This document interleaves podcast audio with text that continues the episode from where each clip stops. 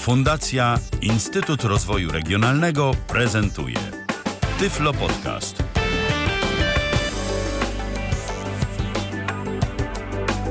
Dzień dobry, Alicja Witek. E, witam serdecznie w kolejnej audycji z cyklu Babie Lato. E, moim gościem w dzisiejszej audycji, moim i Państwa, będzie Mariola Łygas, instruktorka y, orientacji przestrzennej w FIR. Witam Cię Mariolu serdecznie. Dziękuję, że zechciałaś przyjąć zaproszenie do naszej audycji. Witam serdecznie wszystkich.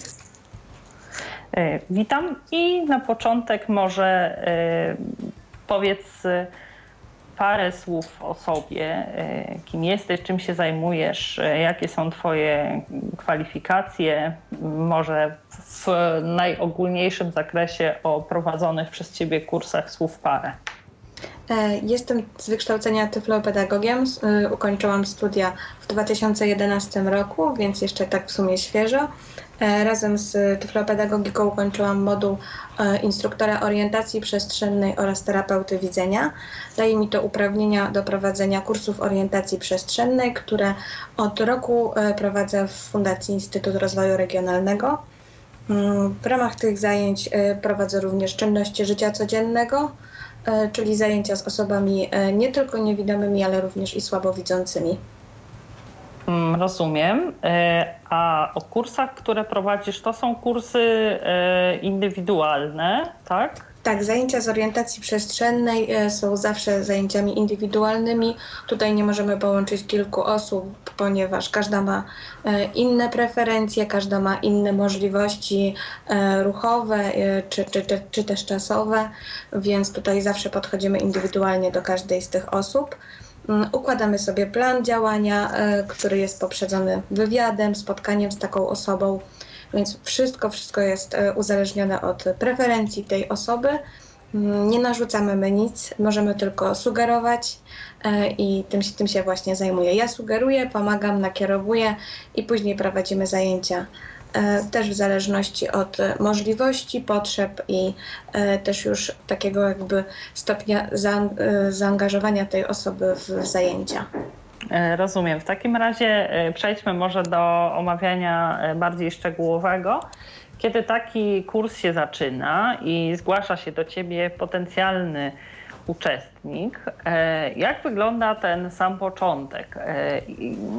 Jak, na jakiej podstawie i w jaki sposób ty mm, weryfikujesz jakieś e, właśnie mm, cechy psychomotoryczne tej osoby, e, stopień jej zrehabilitowania, moment taki, od jakiego e, powinien być kurs rozpoczęty, na ile ta osoba jest samodzielna, na ile nie i to, jak ten kurs powinien przebiegać, w sensie takim, na co powinna być zwrócona uwaga w trakcie kursu. Jak się to odbywa? E, przede wszystkim wszystko zaczynamy od wywiadu z tą osobą. E, rozmawiamy o jej potrzebach, e, dopytujemy o różne dodatkowe problemy zdrowotne, czy na przykład nie mają problemów z zachowaniem równowagi, jak jest ze słuchem, ponieważ tutaj słuch będzie odgrywał bardzo dużą rolę podczas poruszania się w przestrzeni, więc musimy mieć takie informacje, czy na przykład nie choruje na cukrzycę bądź inne dodatkowe schorzenia więc to jest bardzo ważne. Dokonujemy takiej nieformalnej oceny widzenia podczas tego pierwszego spotkania. E, obserwujemy też, jak ta osoba porusza się w środowisku sobie znanym, czyli najczęściej takie spotkania pierwszy raz odbywają się e, w domu osoby e, niepełnosprawnej wzrokowo, żebym też mogła e, zobaczyć, jak ona sobie radzi w swojej przestrzeni. E, następnie dokonujemy obserwacji e, na zewnątrz. E, oczywiście wcześniej jeszcze pytam o to, czy są już jakieś prowadzone zajęcia, czy równolegle się coś odbywa, czy może prowadzone były już wcześniej, tylko od jakiegoś czasu zostały zaprzestane.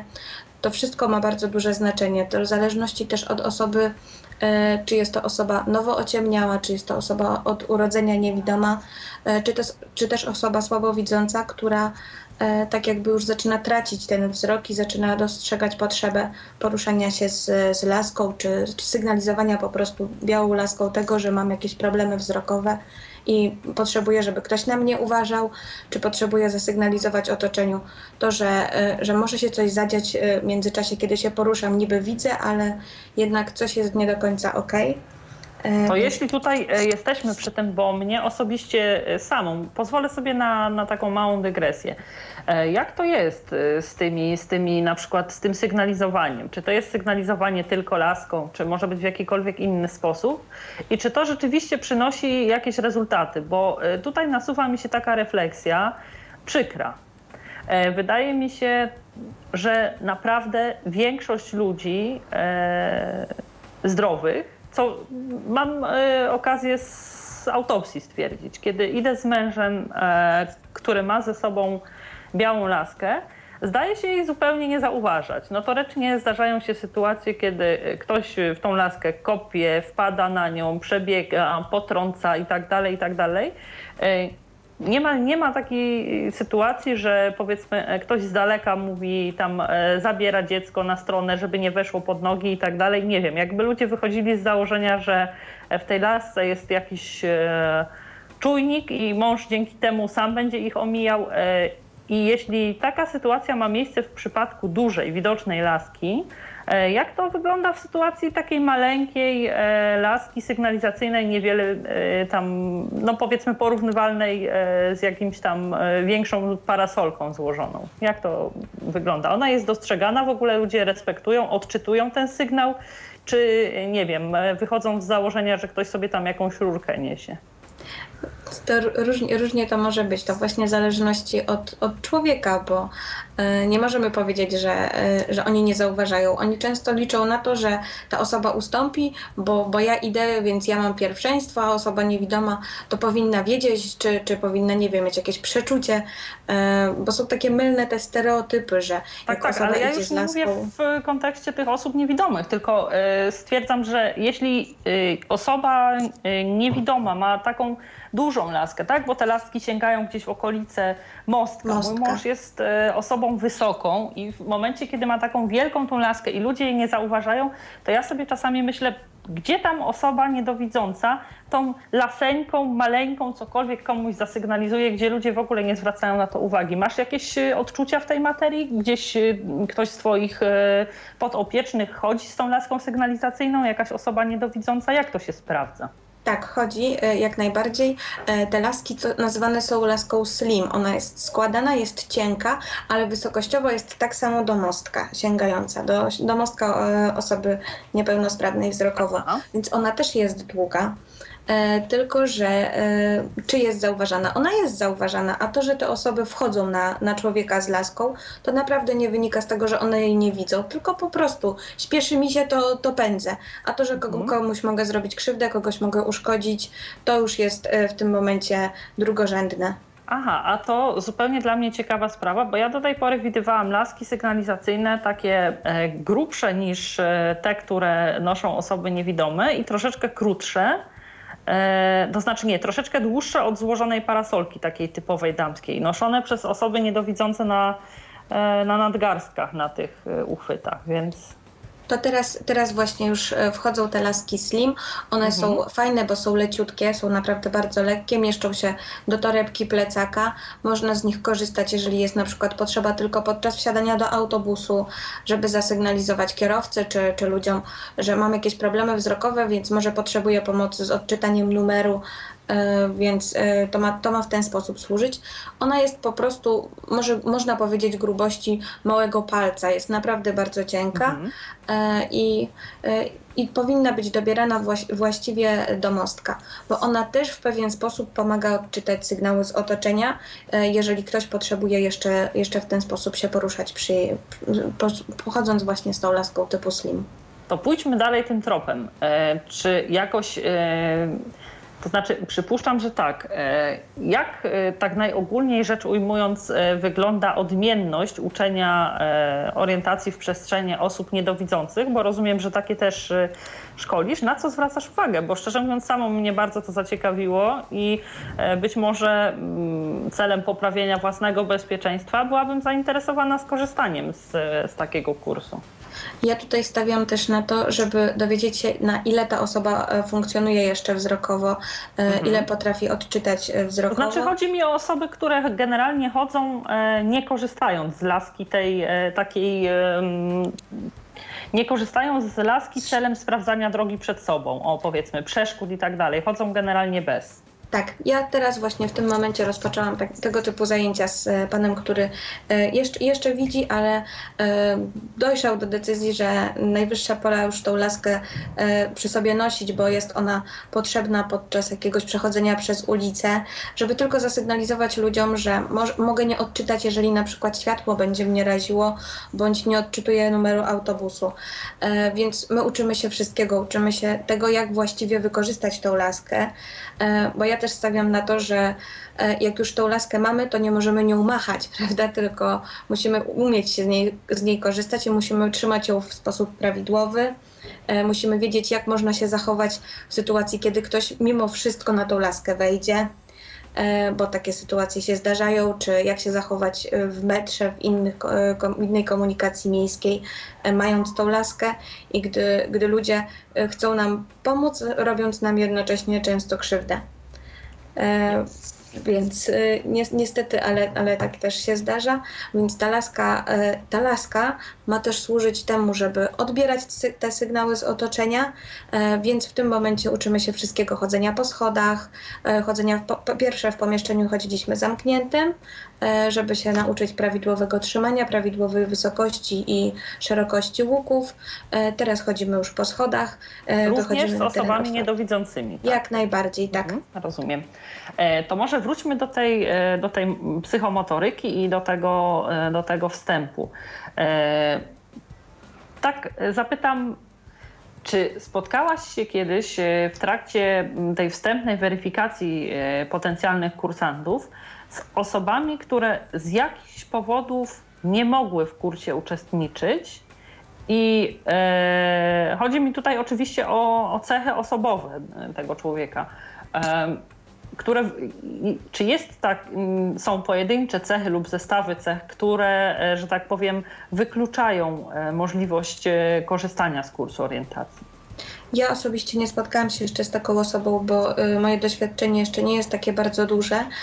Jednak zdarzają się, jeżeli ktoś na przykład ma problemy z napięciem mięśniowym, nie potrafi trzymać tej laski, bądź będzie ją trzymał, jednak nie odbierze tych właściwych sygnałów z otoczenia, no to wtedy y, to mija się też z jakimś celem, bo ta osoba nie będzie potrafiła sobie zapewnić bezpieczeństwa podczas samodzielnego poruszania. Ona może, może mieć takie podstawy poruszania się z laską, jednak będzie zawsze skazana na y, widzącego przewodnika podczas poruszania. Również y, zachowywanie Jasne. równowagi, czy duże problemy ze słuchem. Osoby głuchoniewidome również poruszają się przy pomocy asystentów. Aha, rozumiem. E, asystentów, e, nie lasek? E, to znaczy... Nie, mogą chodzić z laską jak najbardziej. E, jednakże same osoby głucho, głuchoniewidome e, w Polsce po mieście się jeszcze tak samodzielnie nie mogłyby poruszać. Stanowią dla siebie i dla otoczenia zbyt duże e, niebezpieczeństwo. Rozumiem. A mm, to w takim razie, kiedy jesteśmy przy, przy tym początku, to przy nim pozostańmy. E, powiedzmy, że ja lub e, osoba mm, niewidoma spośród moich znajomych e, chcemy się wybrać na taki kurs, chcemy skorzystać z instruktażu. Na co potencjalny kursant powinien zwracać szczególną uwagę? Chodzi mi o kontekst tego, jaki to jest kurs, y, przez kogo jest prowadzony, jakie kwalifikacje powinien mieć instruktor orientacji y, i gdzie ewentualnie mógłby mm, ten potencjalny kursant zasięgnąć informacji co do tego, mm, gdzie odbywają się takie kursy, kto je prowadzi. Najczęściej i najwięcej informacji można uzyskać e, w Polskim Związku Niewidomych, czy to w kole, w oddziale, e, czy w głównym, e, czy w głównym tutaj w Warszawie. Tam są informacje na temat instruktorów. Osoby niepełnosprawne wzrokowo bardzo często już pomiędzy sobą się kontaktują, szukają takich doświadczeń, czy jeżeli wiedzą, że ktoś już od kilkunastu lat prowadzi zajęcia, to, to na przykład sami zgłaszają taką informację do nas, że chcieliby, żeby takie zajęcia prowadził konkretny instruktor, poszukują do, nie, do niego kontaktu, e, żeby to w ten sposób prowadzić. Ogólnie rzecz biorąc, e, ważne jest, ważne jest, ważne jest to, żeby wiedzieć, czy ten instruktor jest po skończonym kursie e, orientacji, czy po prostu e, po, podczas jakiegoś poruszania się z, z osobą z rodziny e, nauczył się różnych technik i myśli, że, że osiągnął ten stopień umiejętności, że potrafi nauczyć drugą osobę poruszania się, bo to jest naprawdę błędne. E, ja poprzez e, trzy lata studiów uczyłam się chodzenia z laską, uczyłam się, e, się sama chodzić z laską w opasce E, będąc osobą całkowicie niewidomą w ten sposób. I byłam też instruktorem dla osoby, która chodziła e, w takiej lasce, czyli dbałam o jej bezpieczeństwo, uczyłam się tego, jak jej pomóc, czegoś, e, na co zwracać uwagę. I sama, sama będąc w opasce mogłam się poczuć jak ta druga strona, tylko że fakt faktem, często to powtarzam, że ja miałam tą możliwość e, zrzucenia opaski, kiedy będę czuła się bardzo zagrożona w jakimś momencie, e, a osoba niepełnosprawna wzrokowo e, musi zaufać w 100% swojemu instruktorowi. Więc jeżeli już w trakcie takich zajęć odczuwa jakąś niepewność, E, czy, czy wie, że, że coś jest nie tak, że nie dogaduje się z tym instruktorem, czy instruktor wykracza po, poza swoje kompetencje i próbuje cokolwiek narzucać tak za bardzo, e, zawsze z takiego kursu można zrezygnować. Rozumiem. E, są praktykowane takie metody, że na przykład w Stanach Zjednoczonych instruktorami E, są osoby niewidome. Uważasz, że to jest e, dobry pomysł? Bo e, ja powiem szczerze, mam związane z tym obiekcje. Nie mówię, że nie. Natomiast mm, tak.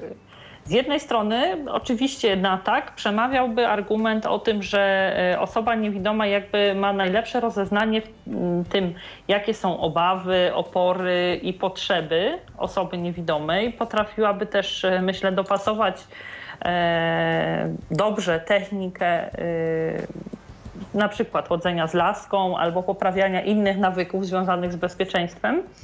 E, natomiast nie jestem przekonana na 100%, czy ten instruktor będący osobą niewidomą potrafiłby należycie zadbać o bezpieczeństwo na przykład w ruchu ulicznym czy w komunikacji miejskiej tego niedoświadczonego bądź co bądź jeszcze kursanta w samodzielnym poruszaniu się. Jakie jest Twoje zdanie na ten temat? E, moje jest dokładnie takie samo. E, ja uważam, że nawet osoby bardzo słabo widzące e, nie powinny prowadzić takich zajęć, ponieważ to jest naprawdę duża odpowiedzialność za tą drugą osobę. Czasem nasz, nawet nie, mała nieuwaga osoby widzącej, która prowadzi zajęcia, może doprowadzić do bardzo przykrej sytuacji, więc tu w tym momencie ja osobiście no nie zaufałabym w 100% takiej osobie. Jak najbardziej mogłaby wskazać jakiekolwiek rozwiązania, być pomocna, ale tutaj podczas takich zajęć e, ja stawiałabym na to, żeby był jeszcze widzący instruktor. Czyli Zawsze... widziałabyś osobę niewidomą, dobrze sprawdzającą się w roli takiego jakby instruktora wspomagającego, tak? Tak, jak najbardziej. Jeżeli mhm. jest na tyle zrehabilitowany, że samodzielnie e, się porusza i jest w stanie udzielać komuś jakichś wskazówek, to możemy go wykorzystać podczas tej orientacji przestrzennej jako instruktora. Jednak e, ja nie odważyłabym się, żeby puścić dwie osoby e, niewidome na zajęcia z orientacji przestrzennej, wyobrażając sobie chociażby nasze warszawskie metro.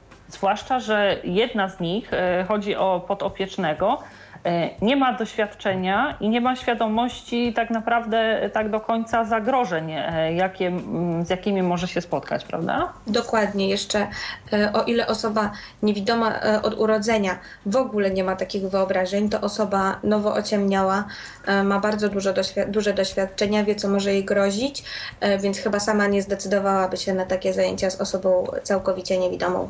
Rozumiem. E, to w takim razie mm, to już, e, że tak powiem, e, mamy mm, za sobą. Natomiast chciałabym się teraz dowiedzieć, jak taki kurs wygląda w praktyce. To znaczy, mm, Jakie są poszczególne etapy? Jak długo ten kurs trwa? Czy to jest jakaś e, stała liczba, nie wiem, godzin?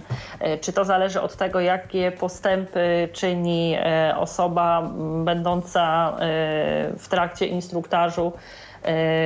Z jakich narzędzi korzystasz? Zresztą będę zadawała pytania po kolei. Może skupmy się na tym e, na razie, jak długo taki kurs trwa i jakie są poszczególne jego etapy. Dobrze? Dobrze, jak najbardziej. Kurs, e, nie, po, nie, ja nie potrafię określić, ile godzin pot, potrzebowałaby osoba, e, która rozpoczyna naukę na poruszanie się z białą laską, ponieważ to wszystko jest uzależnione od właśnie preferencji tych osób, jak, jak już, ile już potrafi, czy potrafi odczytywać wskazówki z otoczenia, czy miała jakiekolwiek podstawy wcześniej. E, jednakże to na pewno trwa bardzo wiele godzin. Podejrzewam, że około 200 to jest tak, e, takie minimum, które trzeba przechodzić, żeby opanować ca cały kurs samodzielnego poruszania się i żeby to było nie tyle samodzielne, co i bezpieczne poruszanie się. Zaczynamy przede wszystkim od tego, żeby pokazać e, osobie niewidomej, czy też właśnie słabowidzącej, podstawowe chwyty z przewodnikiem. E, przy wykorzystaniu oczywiście białej laski, bo często jest tak, że osoba e, niewidoma idąc z przewodnikiem widzącym już z tej laski nie korzysta. Jeżeli ma składaną, to ją na przykład chowa do plecaka, do torebki, e, idzie tylko z przewodnikiem, e, a też tak nie powinno być. Ta laska jest wtedy... Nie powinno? Tam, nie powinno być. Jeżeli chodzimy z widzącym przewodnikiem, nawet mężem, żoną, y, której ufamy w 100%, laska powinna być y, przy nas. Laską możemy sobie sprawdzić. Widzący przewodnik, on ma też prawo do tego, żeby się zagapić na cokolwiek. E, a jeżeli czasem się on zagapi, a ktoś uderzy głową w słup, w cokolwiek, to może być bardzo nieprzyjemne. Dlatego uczymy też tego, żeby e, mimo tego, że idziemy z widzącym przewodnikiem, żeby ta laska była i żeby ta laska pracowała, czyli żeby sprawdzać sobie e, drugą ręką, Świetnie. co się dzieje. A czy uczycie także tego, że osoba niewidoma idąca z przewodnikiem i idąca z laską powinna zwracać uwagę na to, żeby temu przewodnikowi nie przeszkadzać, jak tak. powinna pracować z laską, dlatego że ja kilkakrotnie miałam e, do czynienia z taką sytuacją, że prowadziłam osobę, która e, chodziła z laską i po prostu e, albo gdzieś obrywałam w kostkę, albo była mi podkładana ta laska pod nogi i tak dalej, więc ja generalnie nie mam nic przeciwko temu, żeby ktoś, kogo prowadzę, tą laskę miał przy sobie, natomiast byłabym zachwycona, gdyby dawał radę po prostu na tyle nad nią panować, żeby, bo ja będąc e, na przykład osobą niedowidzącą, mm, nawet powiem e, tak, e, troszeczkę mnie dekoncentruje ten e, szmer tej kuli przesuwającej się po trotuarze, ale to jeszcze nie jest taki problem. Tak jak mówię, obawiam się tego, kiedy ktoś idzie ze mną z laską, zwłaszcza kiedy ma bardzo długą, że najzwyczajniej w świecie, nie wiem, rozglądając się, czy gdzieś tam jedzie samochód albo cokolwiek innego, czy ta osoba, którą prowadzę właśnie nie wpadnie mi na słup albo na kogoś z przechodniów, nie koncentruję się cały czas na tym, czy nie, wpad, e, nie, nie, e, po prostu nie zostanie mi ta laska podłożona pod nogi. Więc jak wygląda ta praca wtedy z laską? Gdybyś mogła tak troszeczkę opowiedzieć. To jest, nie wiem, zawężanie tych łuków, czy trzymanie jej przed sobą? Jak to się jest, odbywa? Modyfikujemy, bo mhm. te wszystkie techniki, których uczymy, czyli technika stałego kontaktu, czyli laska przez cały czas jest na ziemi, nie odrywamy jej, czy technika dwupunktowa, czyli mhm. uderzanie punktowo o podłożenie że trzeba zmodyfikować wtedy tę technikę i e, modyfikujemy również chwyt laski. Nie trzymamy jej e, na całą długość, czyli nie trzymamy ją na, e, jej na samym początku na takiej za czarnej uchwyt, części tak? za uchwyt, tak, dokładnie, tylko sobie trzymamy niżej Czyli już wtedy również w zależności od, od tej potrzeby, jeżeli, jeżeli przewodnik będzie wyższy, niższy, e, jak, jak, jaka będzie odległość mm, tego trzymania, czyli prawidłowy chwyt, jak trzyma osoba e, niewidoma e, widzącego przewodnika, to jest dłoń ułożona na, na łokciu, prawda, nad łokciem.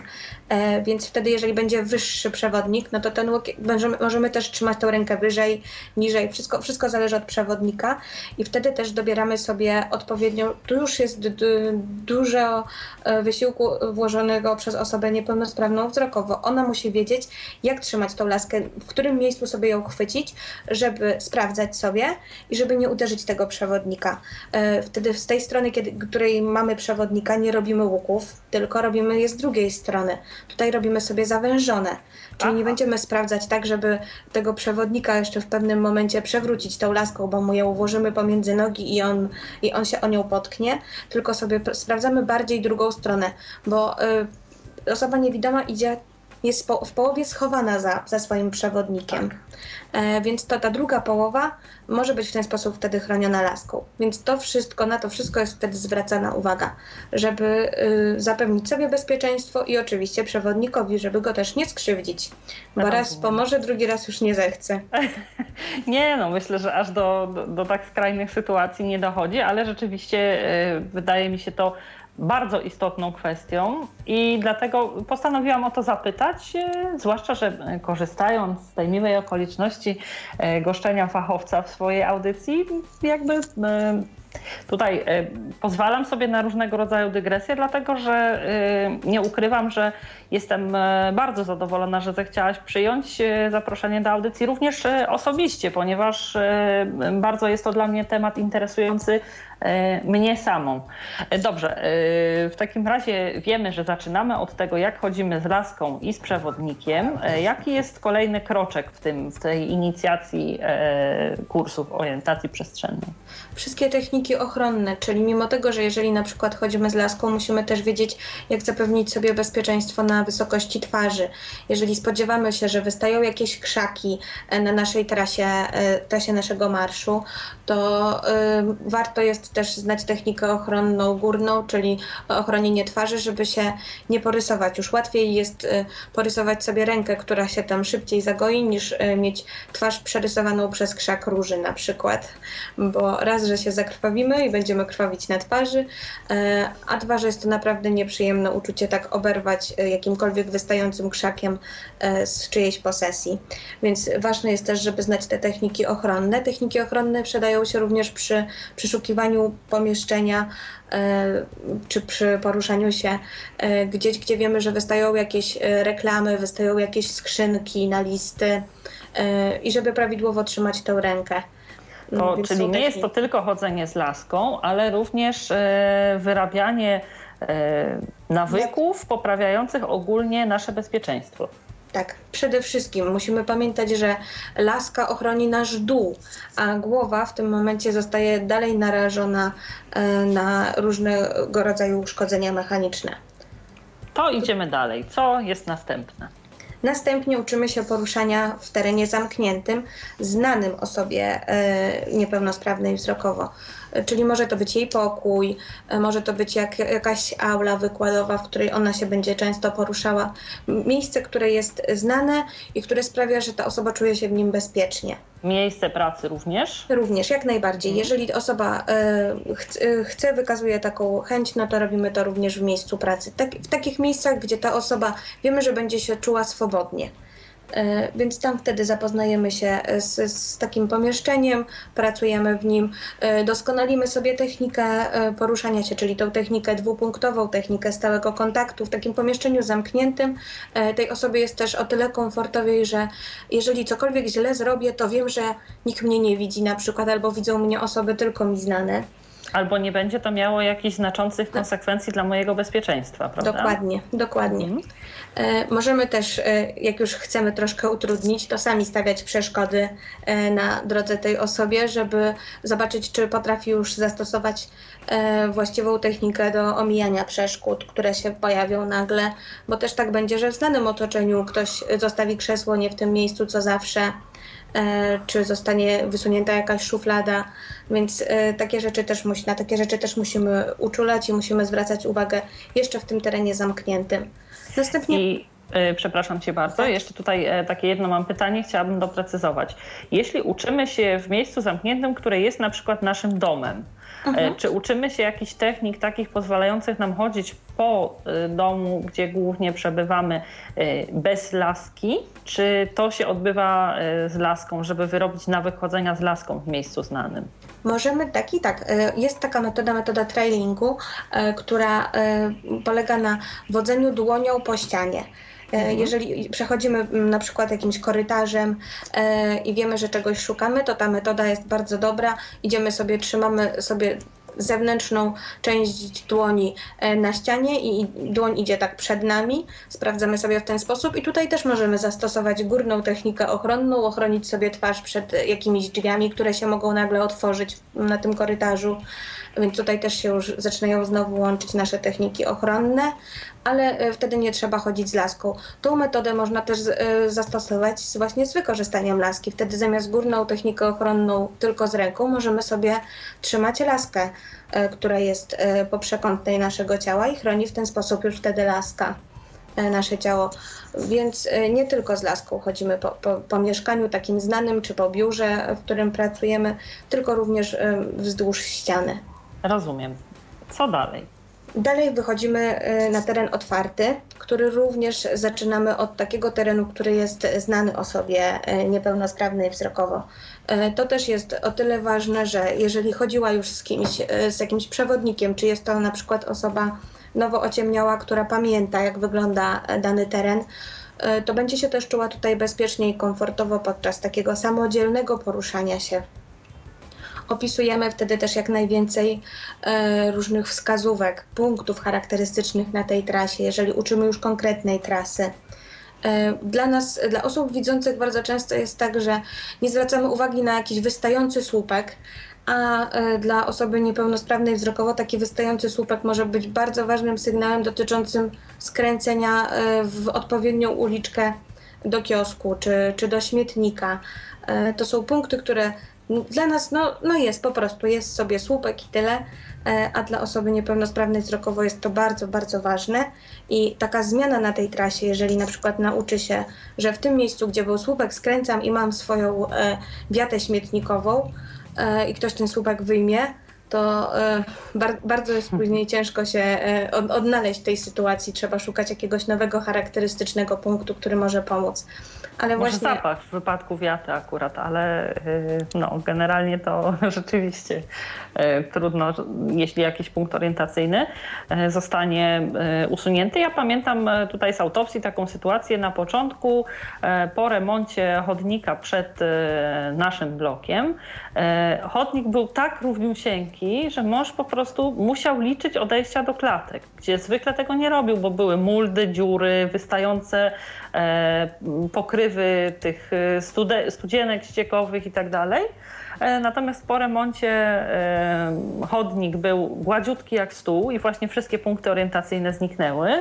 Natomiast e, po jednym czy drugim remoncie przyszła gazownia, przyszła elektrownia, przyszły wodociągi.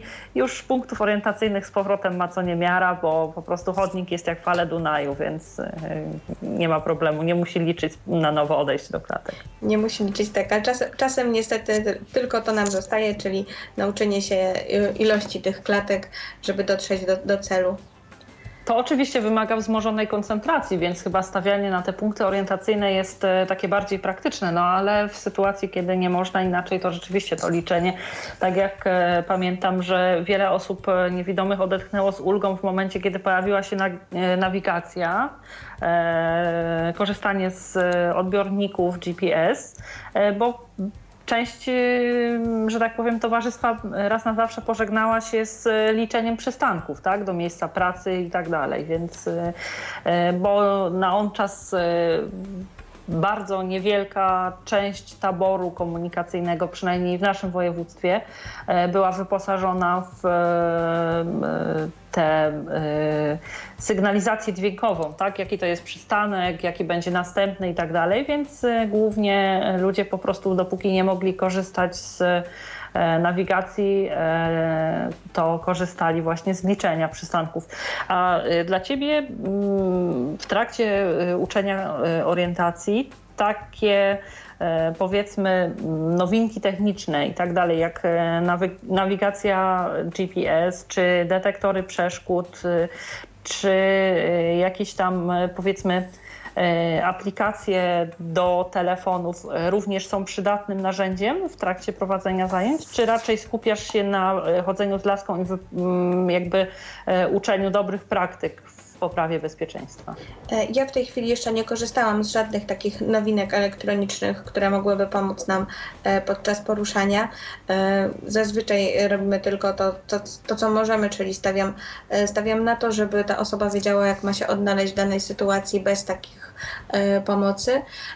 My za to robimy korzystamy z planów różnego rodzaju, plany, makiety, e, które nawet e, samodzielnie konstruuję dla, dla, dla danej osoby, jeżeli chcę ją nauczyć dojścia dla niej z ważnych punktów, czyli na przykład z bloku do, do przystanku autobusowego, rysujemy sobie, później na tym pracujemy, omawiamy. Jeżeli e, osoba e, niewidoma czy słabowidząca uzna, że jeszcze coś by chciała sobie na tym zaznaczyć i sama, sama mówi, a jeszcze na przykład był tutaj w tym momencie śmietnik, ja go nie zaznaczyłam, no to super. Bardzo się wtedy też cieszę, że ta osoba czuwa nad tym, że nie tylko ja e, tak jakby daję coś od siebie, ale ona też pokazuje mi, że uważa, że pamięta, co się działo na trasie i sama, sama konstruując ten plan razem ze mną, czuję się też potrzebna. Czuję to, to że, że sama jest y, sprawcą czegoś, co, co będzie jej potrzebne i pomocne w, w przyszłości.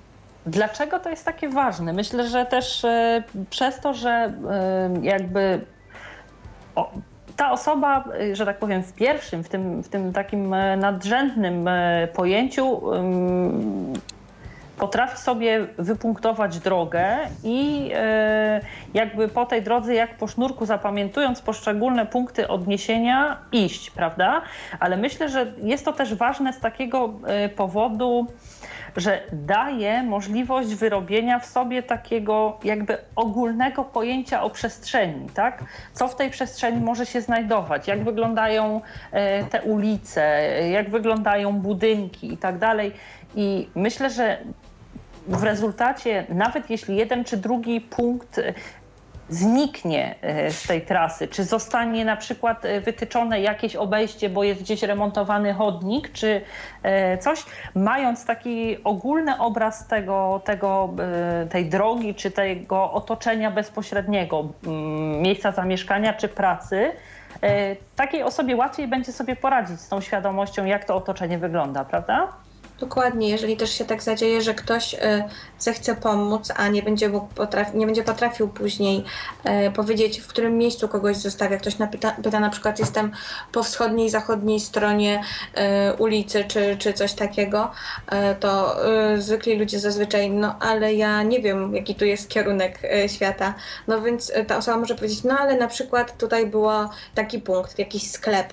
No tak jest, więc w ten sposób można też łatwiej tej, tej osobie ułatwić ułatwić e, powrót e, do danego punktu czy dojście samodzielne i wtedy nawet jeżeli coś by się tam zadziało, to ta osoba sobie potrafi samodzielnie wrócić do, do tego punktu wyjścia, potrafi się jakkolwiek w, tym, tej sytuacji odnaleźć. Zawrapowałaś mnie z tą wschodnią i zachodnią e, stroną świata. Ty przygotowując te plany czy mapy, jak to nazwiemy, e, opierasz je na kierunkach świata. Ta osoba ma świadomość, idę teraz na północ, e, skręcam w prawo na wschód, e, teraz idę na wschód, skręcam tam powiedzmy, nie wiem, e, znowu w lewo, na północ, czy w prawo na południe, tak? Tak to się odbywa? Powin, e, po, powinno tak być, fachowo mhm. powinno tak być, jednak nie każda osoba e, niepełnostronna wzrokowo zdaje sobie sprawę z tych kierunków, nie potrafi ich tak do końca określać, więc wtedy staramy się szukać alternatywnych rozwiązań na tą sytuację, ale jeżeli ktoś potrafi powiedzieć, że znajduje się na przykład po południowej stronie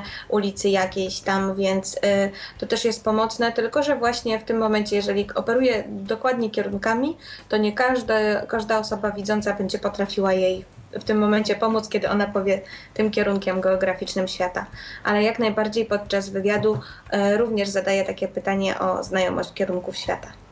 Czy potrafi się Jak określać? osoby e, niepełnosprawne wzrokowo sobie z tym radzą? E, jest e, taki, taki nawyk w ogóle, jak jest z czytaniem map?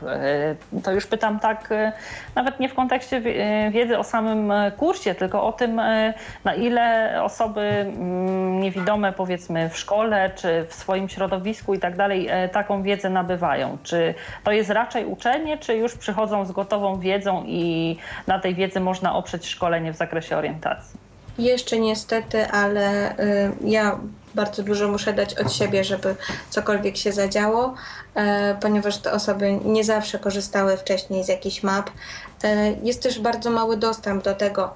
Jest na przykład e, stworzony już plan, plan taka, taka mapa metra ratusz arsenał, jednak bardzo mało osób mogło z niej skorzystać i nawet nie zdaje sobie sprawy z tego, że coś takiego jest, że można się zorientować, jak tam jest rozłożenie tych, tego peronu, jak wyglądają te poziomy metra ratusz arsenał. I niestety, ale, ale jest bardzo mało tego, tak jak powinno być coraz więcej. Stacje nam się przecież rozrastają, rozrasta się druga linia metra, a niestety w tą stronę nikt jeszcze nie poszedł, żeby aż tak ułatwić osobom niepełnosprawnym wzrokowo poruszanie się. I dostęp do tego, tak jak mówię, jest bardzo ograniczony. E, czy ten etap, e, że tak powiem, wstępny kończy właśnie to wyjście w teren sobie znany i później już e, przechodzi się do tych czynności bardziej zaawansowanych w terenie zamkniętym, nieznanym i otwartym, nieznanym, czy jeszcze jakieś, jeszcze jakieś szkolenie tutaj na tym pierwszym etapie jest podejmowane w znanym terenie? E, ja się staram też już wtedy za zaczynać e, chodzenie po schodach, e, żeby ta osoba chodziła po schodach sobie znanych, później idziemy na schody sobie nieznane, schody, schody ruchome, bo też jest tutaj różnica w schodach ruchomych, a, a w schodach takich zwykłych. Mm, później ruszamy w dzielnicę mieszkaniową, czyli cały teren mieszka mieszkaniowy tej osoby wszystkie punkty takie y, handlowo-usługowe, które może ta osoba spotkać w swojej okolicy. Czyli zataczacie coraz szersze kręgi, tak? Wypuszczacie tak, się tak. w teren Wypuszczamy coraz mniej się znany? w teren, tak, coraz mniej znany, a potrzebny tej osobie. Ja też y, stawiam na to, żeby nauczyć tę osobę funkcjonowania w jej najbliższym otoczeniu, które, którego korzysta, y, a nie uczenie na przykład osoby y, z Bydgoszczy, uczenia tego, jak wygląda y, dzielnica usługowo-handlowa na terenie Mokotowa w Warszawie Warszawie, bo ta osoba z tego nie skorzysta. Mogę ją e, nauczyć, jak, jak sobie szukać takich punktów charakterystycznych, na co się nakierowywać, poćwiczyć z taką osobą technikę. Jednak e, nie, nie, tak, taka osoba nie skorzysta e, zbyt wiele z zajęć prowadzonych w innym e, mieście, czy nawet w innej dzielnicy niż mieszka rozumiem. E, do e, tematu mm, prowadzenia e, szkolenia w zakresie orientacji przestrzennej z moim gościem wrócę po krótkiej przerwie. Przypomnę Państwu, że i zachęcam oczywiście do zadawania pytań pod numerem telefonu 123 834 835. Możecie się komunikować Państwo z nami także przez komunikator Skype na tyflopodcast.net. A my do rozmowy o kursach orientacji przestrzennej wracamy za chwilę. Ponownie witam, Radio Babie Lato. Dziś rozmawiamy y, z moim Państwa gościem, Mariolą Łygas, instruktorką y, orientacji FIR y, o prowadzeniu kursów. Po przerwie wracamy do wyjść tych już w teren taki nieznany. Czego uczysz, na co zwracasz uwagę? Czy to jest tylko nauka nadal y, chodzenia z laską w tym terenie, czy jakieś inne dobre praktyki służące y, poprawie bezpieczeństwa, jak choćby przechodzenie przez skrzyżowania i zwracanie uwagi na to, która droga rusza, która droga staje, żeby zorientować się, jakie jest światło, czy może jakieś podobne temu techniki? Możesz coś na ten temat mi i naszym słuchaczom powiedzieć?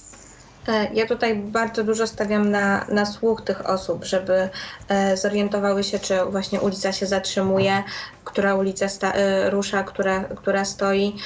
Tu jest też ważne to, czy osoba niewidoma potrafi operować pojęciami równoległa, prostopadła, czy potrafi określać swoje położenie względem ulicy, czy potrafi wysłuchać, gdzie jest środek skrzyżowania tutaj bardzo dużo zależy od tej osoby.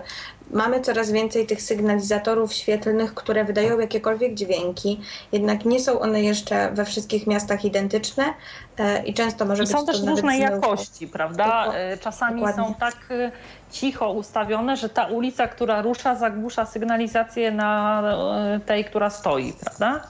Dokładnie, a często zdarzyło mi się e, spotkać z taką sygnalizacją, która e, mówiła, jaki jest kolor, jednak mówiła właśnie mylnie, czyli kiedy było czerwone, mówiła, że jest zielone, e, więc to dopiero było duże zagrożenie dla tych osób, ponieważ sugerowały się, na, mówi, mówi sygnalizacja zielone, więc idę.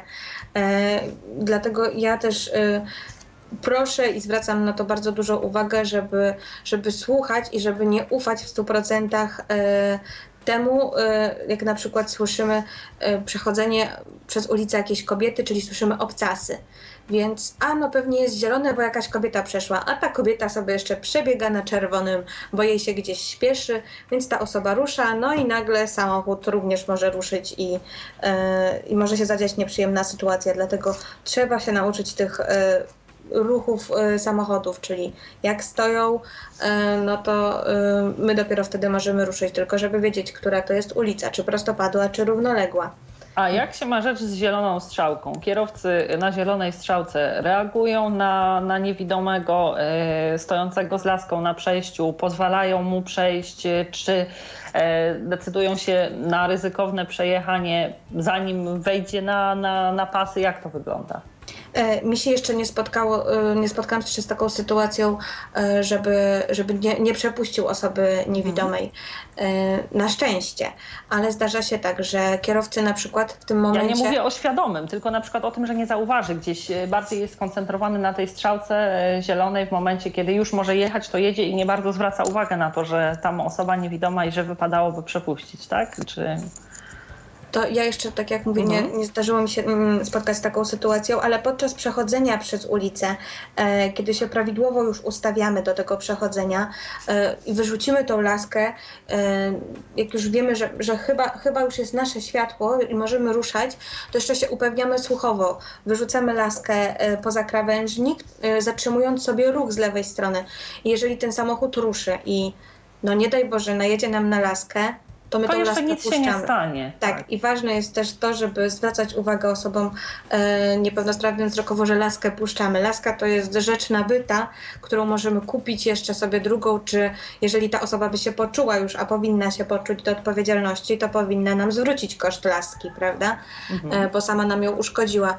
Jednakże często jest tak, że osoby kurczowo ją wtedy trzymają, e, i same siebie narażają na jakieś, tak? jakieś niebezpieczeństwo. Tak, dokładnie.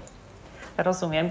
E, to e, o tych skrzyżowaniach jeszcze inne takie mm, dobre praktyki poprawiające bezpieczeństwo, oprócz e, tego chodzenia z laską, jak to wygląda w komunikacji z tym znajdowaniem wejść, wyjść, wchodzeniem uprzejmymi współpasażerami ciągnącymi za laskę do wolnego miejsca i tak dalej.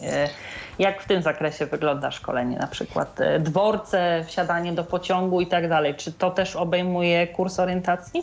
Jak najbardziej. E, ja zaczynam e, pracując z osobami niepełnosprawnymi wzrokowo, zaczynam szkolenie związane z komunikacją miejską od pętli. Pętli tramwajowej, pętli autobusowej. E, wówczas można na przykład zapytać kierowcę, e, jak długo autobus będzie czekał na pętli, czy pozwoli nam poćwiczyć sobie przechodzenie, wchodzenie, wsiadanie, wysiadanie, zajmowanie miejsca. E, niejednokrotnie zdarza się tak, że mam osoby, które nie zdają sobie w ogóle sprawy z tego, jak wygląda autobus, jaka jest, jakie jest rozłożenie siedzeń, jakie są kasowniki, e, czy nawet do czego w ogóle służy kasownik. Tak mi się również zdarzyło, e, więc e, to jest bardzo dużo takiej pracy włożonej w tej, na tej pętli. I te wszystkie godziny, które tam są, można stwierdzić, że one są naprawdę nieopłacalne, jednak nie. W przyszłości, kiedy już musimy się nauczyć przesiadania, czyli korzystania z komunikacji miejskiej w ruchu, autobus nie czeka 10 minut na przystanku, tylko podjeżdża, osoby wsiadają i, i trzeba to zrobić sprawnie. Dlatego poćwiczenie stacjonarne e, daje bardzo dużo, duże efekty i korzyści w przyszłości. I tak jak mówię, ja zaczynam od pętli, e, pętli autobusowej, bo zaczynam od autobusu, następnie przechodzę do tramwajów. E, również sobie ćwiczymy w tramwaje, ćwiczymy sobie różne tramwaje, tak jak są teraz te nowe niskopodłogowe, ćwiczymy sobie również E, tramwaje e, takie ze schodkami e, uczulam na to, że wsiadamy pierwszymi drzwiami, wówczas jesteśmy lepiej widoczni dla kierowcy, maszynisty. Może on również nam powiedzieć, jaki to jest autobus, choć to powinno być już taką regułą, że zawsze kierowca powinien włączyć informację głosową, że to jest dany autobus w kierunku takim i takim Jeśli oczywiście ma taką możliwość, bo y, nie jest wszędzie tak, że, że te y, informacje dźwiękowe są dostępne, prawda? Tak, więc wtedy kierowca autobusu, przynajmniej właśnie u nas w Warszawie, e, są do tego przeszkoleni, że powinni informować, e, że to taki autobus. Ja osobiście miałam e, nieraz tak, taką sytuację, jak uczyłam się jeszcze na studiach poruszania z laską i jeździłam z tą laską na zajęcia, bo zabierałam ją do domu, żeby na zajęcia ją przy sobie mieć i wsiadałam do autobusu, który jeździł całym osiedlem praktycznie i zawsze kierowca otwierał drzwi i mówił mi, jaki to autobus, w jakim kierunku. E, choć no, ja za chwilę sobie radziłam z tym wsiadaniem do autobusu. Ludzie często też chcieli mi pomóc, żebym sobie zajęła miejsce, e, więc ja wtedy informowałam. Grzecznie mówiłam, że e, ja się uczę na instruktora orientacji przestrzennej, że będę w przyszłości pomagać tym osobom, no i mam tą laskę nie dlatego, że mam ochotę sobie z nią pojeździć po mieście, żeby sprawdzić, czy ludzie reagują, czy nie, tylko po prostu laska służy mi jako narzędzie do, do przyszłej pracy i dlatego mam ją przy sobie. Jakieś Ale... zabawne sytuacje w trakcie y, tych y, nauki tego instruktażu zdarzały się również? Czy... Y? Zdarzały, kiedy pisałam na przykład, szłam z laską, trzymam laskę, przede mną idzie ktoś, a ja piszę SMS-a. Aha.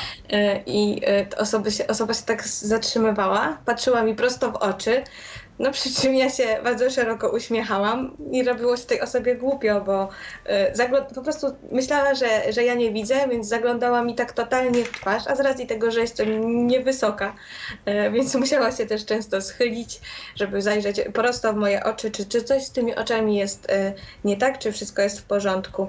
Czyli więc... symulantka, generalnie tak. wychodziłaś na symulantkę. Wychodziłam niejednokrotnie na symulantkę. Aha. Dlatego, dlatego starałam się też informować ludzi, żeby się nie zrażali do tego, bo, e, no bo ja się musiałam nauczyć, więc musiałam z tą laską podróżować. E, I później już e, jak się orientowali, jak już mnie rozpoznawali bardzo często, po co tydzień jeździłam na takie zajęcia i co tydzień ta laska ze mną była, to już, już wiedzieli, uśmiechali się sami, że a, bo pani będzie uczyć w przyszłości. Więc to były takie, takie taki nawet pozytywny oddźwięk tego był z metrem warszawskim, bo z metrem jako komunikacją miejską już jest wyższa szkoła jazdy. E, i niestety zbyt długo się nie da poćwiczyć, bo mamy e, tylko dwie pętle, na które nie możemy tak jakby wejść. Możemy skorzystać przez około 50, 50 sekund, jak metro podjeżdża, zanim ruszy już e, w przeciwnym kierunku. Więc wtedy uczymy tego, jak sprawdzić sobie, gdzie są drzwi. Uczymy tego, żeby słuchać, bezpieczeństwa na peronie. E, mamy też e, także są mm, stacje e, jednoperonowe, czyli jest jeden peron na środku i wsiadamy w dwa różne kierunki, bądź dwuperonowe, czyli trzeba odpowiednio wejść w odpowiednią bramkę, żeby znaleźć się na właściwym peronie. Więc tutaj też na przykład ostatnio miałam bardzo nieprzyjemną sytuację mm, na stacji metra. Jak pani chciała pomóc chłopakowi, z którym prowadzę zajęcia, wsiąść do, do metra, ciągnąc go za laskę. Mhm, no tak. e, pociągnęła go chłopak raz, że, e, że zdaje sobie sprawę z tego, jakie jest niebezpieczeństwo na, e, na stacji, e, bo wcześniej widział. E, dwa, próbuje sobie znaleźć wejście, a tu w pewnym momencie ktoś go zaczyna szarpać za laskę. I o ile laska będzie sztywna, bo laski też są, dzielimy na sztywne i składane, więc jeżeli będzie sztywna, no to w tym momencie się nic jeszcze takiego strasznego nie dzieje. Tą laskę zawsze można puścić, żeby nie wpaść e, w tą przestrzeń nogą, bo tak całym ciałem ktoś nie wpadnie, jak już metro podjedzie. Jednak jeżeli e, będzie taka sytuacja, że ktoś będzie miał laskę składaną i druga osoba zacznie ją szarpać, to ta laska się wyciąga, bo w środku mamy taką gumę. Tak. E, I, e, no i raz, że laskę można w tym momencie przerwać, bo ta guma to jest tylko guma i może nam strzelić nawet nie wiemy kiedy, a dwa, że można wtedy naprawdę zrobić bardzo dużą krzywdę tej osobie. Więc e, niestety, ale jeszcze e, trzeba by było bardzo dużo pracy włożyć w to, żeby szkolić otoczenie, jak zachowywać się, e, kiedy spotkamy osobę niewidomą, przede wszystkim na stacji metra czy, czy na peronie pociągu ogólnie. Bo ja to... się czasami zastanawiałam, dlaczego jest tak, że w jakichś środkach komunikacji czy na stacjach pojawiają się E, jakieś e, na przykład e, monitory z reklamami, monitory z jakimiś tam nagłówkami gazet, które sobie takie ogłoszenia opłacą i tak dalej. a nigdy nie pojawiają się na przykład filmiki instruktażowe dla współpasażerów, jak obchodzić się na przykład w metrze czy w komunikacji e, z osobą niepełnosprawną. Ci ludzie i tak spędzają czas na stacjach czy na przystankach, e, powiedzmy, mm, czekając, tak, aż przyjedzie tam e, pociąg, aż przyjedzie metro i albo w autobusie właśnie jadąc i czytając jakieś obwieszczenia kulturalne czy coś takiego, E, czy nie mogłyby być w tym czasie, nawet jeśli już nie filmy, to przynajmniej jakieś takie e, krótkie ulotki informacyjne o tym, jak można we właściwy sposób e, pomagać osobie niepełnosprawnej. Myślę, że to byłby taki bardzo dobry pomysł i przyjemny z pożytecznym.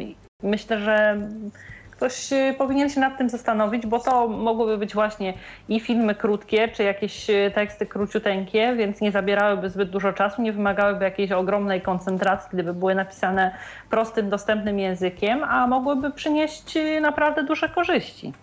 Dokładnie, ja też jestem tego samego zdania, tym bardziej, że ludzie, oni chcą pomagać, jednak nie, nie potrafią tego robić i jeżeli na przykład pomagają w sposób niewłaściwy i osoba niewidoma jakoś niechętnie się do nich odezwie, czy, czy bardzo tak niegrzecznie się e, odburknie w tym momencie, kiedy ktoś chce pomóc, to te osoby się też zrażają i na przyszłość nie chcą pomagać. A to też nie na tym, nie na tym rzecz polega. Mm, trzeba instruować e, takie osoby z zewnątrz, że to trzeba zapytać, że trzeba podejść e, nie od tyłu, nie atakować, nie pchać, tylko po prostu grzecznie zapytać, e, czy ta osoba potrzebuje pomocy. Jednak to właśnie bardzo dużo trzeba jeszcze tak od nas, od instruktorów, czy od innych osób, które potrafią pomagać, żeby to otoczenie instruować i sugerować jakieś dobre praktyki, dobre rozwiązania. Zwłaszcza, że tym osobom, e, tym osobom niewidomym, e, które w, będąc przecież w sytuacji, e, która dla nich wiąże się z odczuciem jakiegoś zagrożenia, w sytuacji stresującej, kiedy na dodatek, e, no bo sytuacja wsiadania do, do pociągu czy metra jest e, powiedzmy e, w jakiś tam sposób stresująca, tak? Trzeba znaleźć to wejście, trzeba e, przekroczyć tą, e, tą, tą szparę pomiędzy peronem a wejściem do, do składu. E, po tych schodach trzeba się upewnić, że to jest ten właściwy pociąg, kolejka czy tam coś innego. E, a tutaj jeszcze e, taka osoba w momencie, kiedy jest popychana, e, szarpana za jakiś fragment garderoby, czy tam ciągnięta za laskę, trudno oczekiwać, żeby się uśmiechała i Pytanie. żeby. Tak? Od słuchacza mamy. Pytanie Posłuchamy. mamy od słuchacza o płatności. O płatności, płatności za kursy, tak? tak? Za kurs prawdopodobnie.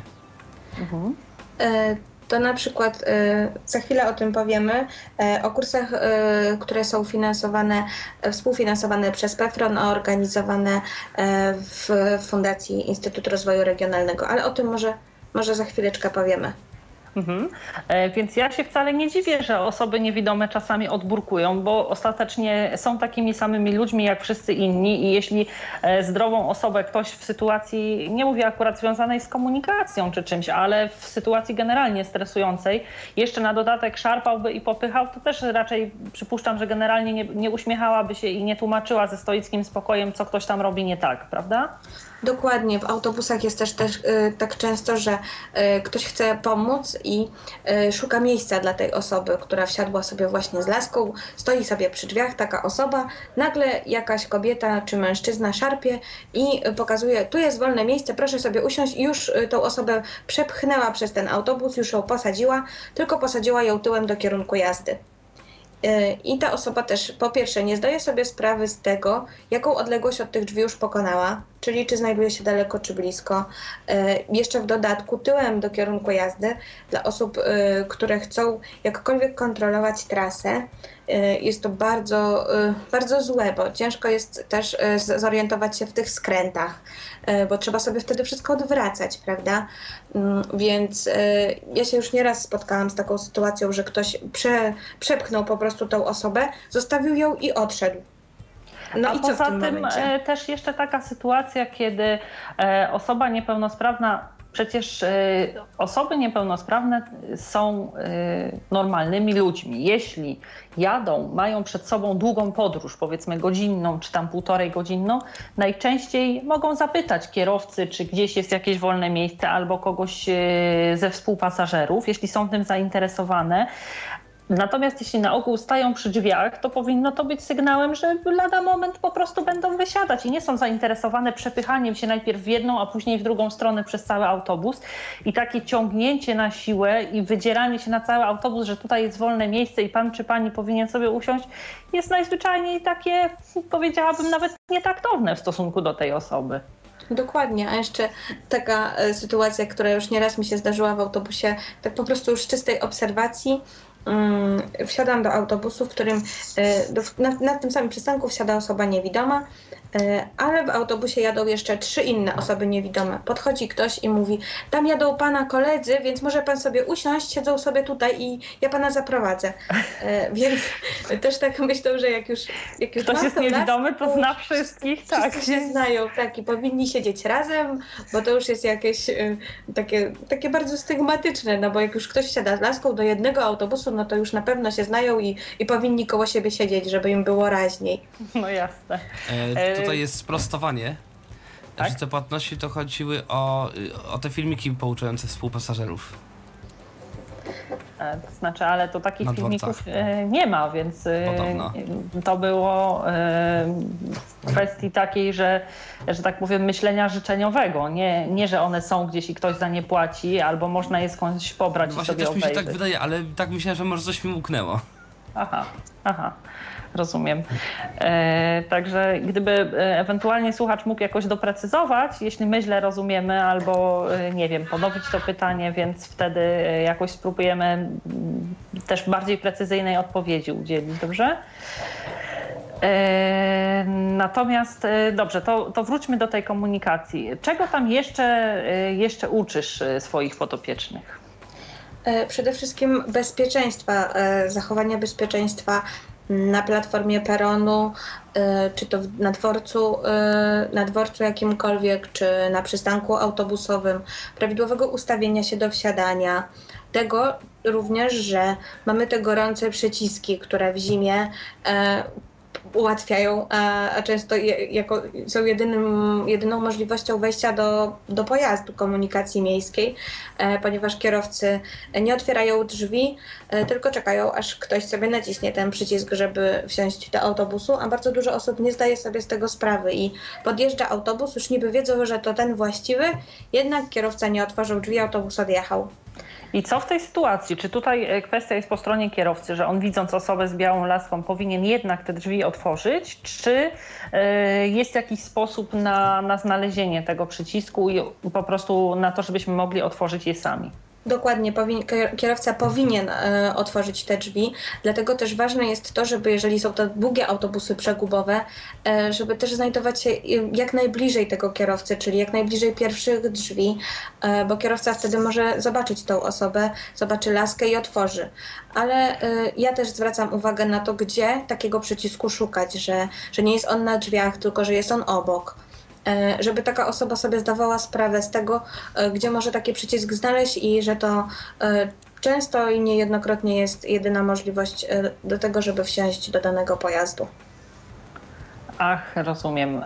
W takim razie to tyle w kwestii tej komunikacji, a w terenie sobie nieznanym jeszcze jakieś takie dodatkowe E, kwestie, powiedzmy, nie wiem, e, próbujesz jakoś okiełznać z podopiecznymi e, centra handlowe, placówki kulturalne, tego typu zagadnienia też? czy raczej nie? Jak najbardziej. Nawet e, przechodzimy sobie razem do sklepów, które, z których najczęściej dana osoba korzysta, czy do jakiejś drogerii. Oczywiście nie nauczymy się na pamięć rozkładu, e, gdzie co leży, ponieważ jak to w sklepach bywa, e, te ustawienia się zmieniają. Dlatego można tylko zasygnalizować, że na przykład w danej części znajduje się pieczywo, czy gdzie można znaleźć biuro obsługi klienta, ktoś, i ktoś pomoże E, zrobić te zakupy, e, zwracanie na, na takie podstawowe e, rzeczy uwagi, gdzie, gdzie czego szukać, żeby, żeby sobie jak najłatwiej poradzić. I też pytam, nie narzucam, że na przykład musi to być konkretnie dany, dany supermarket, tylko pytam, z jakiego najczęściej korzysta, czy, czy chce, żebyśmy sobie to omówili. I, I tak robimy. Czy drogerie, czy, czy jakieś sklepy, na przykład zoologiczne, e, które są w okolicy. E, poznajemy sobie drogę, poznajemy sobie mniej więcej rozkład, gdzie, gdzie szukać e, kasy, bo przecież też zdarza się tak, że nie mamy takiego punktu obsługi klienta, tylko musimy podejść po prostu do kasy i poprosić kogoś o, o pomoc w zrobieniu tych zakupów. Więc to również jak najbardziej robimy podczas zajęć. E, to ostatnie pytanie, takie już, że tak powiem, w praktyce, tych y, nauczania, czy y, uczysz także, szkolisz swoich potopiecznych w kategoriach takiej świadomości prawnej, gdzie są w sytuacjach uprzywilejowanych, czy w komunikacji w kwestii miejsc dla osób niepełnosprawnych, czy w instytucjach, w których mogą być przyjmowani poza kolejnością i tak dalej. Jak to wygląda? E, zdarza się, że, e, że tak, tylko e, to też, jeżeli ktoś na przykład mnie zapyta bardziej o, o to, gdzie może jakieś tam porady uzyskać, czy, czy jak może sobie poradzić gdzieś, że potrzebuje coś załatwić, czy ja, czy ja na przykład się spotkałam z taką sytuacją, wówczas mogę jak najbardziej nakierować, pomóc, czy nawet w trakcie zajęć nauczyć się takiej drogi dojazdu do takiego punktu. To znaczy, nie, mnie nawet nie chodzi o konkretne miejsca, czy konkretne instytucje, instytucje. Chodzi mi bardziej e, o taką e, jakby przekazywanie świadomości prawnej, że e, osoba wsiadająca niepełnosprawna do pociągu bez biletu nie musi szukać konduktora. Może sobie czekać, aż on do niej przyjdzie i wtedy bez dodatkowych konsekwencji kupić bilet, że osoba niepełnosprawna wzrokowo wsiadająca do autobusu ma prawo poprosić kierowcę o to, żeby pomógł jej znaleźć miejsce przeznaczone dla osób niepełnosprawnych i tak dalej. O tego typu zagadnienia. Jak najbardziej. Na takie zagadnienia również zwracam uwagę, e, ponieważ e, osoby niepełnosprawne często nie, zda nie zdają sobie po prostu sprawy z tego, że, że mają takie przywileje, tak jak na przykład e, nawet na dworcu centralnym kasa e, dla osób niepełnosprawnych. Jak niedawno się okazało, jedna z, z moich podopiecznych chciała kupić sobie tam bilet, to pani w okienku powiedziała jej, że to jest kasa tylko i wyłącznie dla osób niepełnosprawnych ruchowo. I nie miała racji, tak? No nie miała racji, to jest kasa dla osób niepełnosprawnych. Fakt, Generalnie ona jest jakoś niżej. została e, rozwiązana ta sytuacja? E, czy... Właśnie, właśnie ja, zostałam, ja zostałam o tym poinformowana już po fakcie. Zadzwoniły Aha, po prostu do mnie, że, że taka sytuacja była. E, mhm. Jednak nieraz z osobą niepełnosprawną kupowałam tam bilet, niepełnosprawną wzrokowo, więc, więc wiem, że jak najbardziej mogą tam skorzystać wszyscy niepełnosprawni. A dlaczego mamy w tym momencie mieć jakieś mm, wyróżnienia dla osób niepełnosprawnych ruchowo? To już osoba niewidoma musi stać w kolejce, gdzie teraz na centralnym jest e, też tak, że mówi, że kasa, wolna, wolna kasa to numer któryś. No i przepraszam, a osoba e, niewidoma skąd ma wiedzieć, który to jest Zwłaszcza numer. jeśli bywa tam sporadycznie Bardzo lub tak. E, nie bywa wcale, po prostu jest po raz pierwszy. Pomijając też fakt, że samo dotarcie do peronu czy do pociągu w sytuacji, kiedy na dworcach no generalnie krajowa infrastruktura, nie tylko dworce, ale również e, wszelkiego rodzaju jakieś tam e, drogi i tak dalej, e, ciągle są przebudowywane, remontowane, poprawiane i w kontekście dworca to jeszcze ten czas wydłuża, więc możliwość skorzystania z takiej kasy biletowej dla osób niepełnosprawnych pozwala to jakoś zrekompensować, prawda? Czemu wszędzie mamy przychodzić o godzinę czy dwie wcześniej, żeby zwyczajnie zdążyć na, na pociąg, prawda? Dokładnie, ale niestety jeszcze bardzo dużo trzeba włożyć w to wysiłku, żeby e, było, te wszystkie prawa i przywileje były respektowane. Oczywiście nie możemy tego też nadużywać w żaden sposób, ale e, w tym momencie uważam, że to było bardzo nieuzasadnione odesłanie tej pani w kolejkę zwykłą, dlatego że, że nie była osobą niepełnosprawną ruchowo bo nie na tym rzecz polega. Nie, po to stworzyli taką kasę, żeby, żeby nie móc z niej korzystać. Oczywiście, rozumiem. E, powiedz mi e, w takim razie e, to tyle o tej e, praktycznej stronie kursów. Ja oczywiście zachęcam Państwa do zadawania pytań e, mojemu i Państwa gościowi w dzisiejszej audycji. E, możemy to robić pod numerem telefonu 123 834 835 a także przez komunikator Skype e, na tyflopodcast.net. E, to przejdźmy może e, do tego, jakich formalności trzeba dopełnić, aby móc skorzystać z, z takiego kursu orientacji. To trzeba jakichś specjalnych, nie wiem, skierowań od lekarza, a nie, zanim o tym pominęłabym jeszcze jedną bardzo ważną kwestię te kursy, y, to uczestnikami mogą być osoby y, świeżo ociemniałe, one są głównie dedykowane tym osobom, czy na przykład osoba niewidoma od urodzenia, y, która postanawia się usamodzielnić, na przykład wyprowadza się do swojego własnego mieszkania lub zdobywa pracę, do której musi docierać samodzielnie, też może skorzystać z takiego, z takiego kursu. Osoba y, niewidoma od urodzenia powinna korzystać y, z takich kursów jak najwcześniej.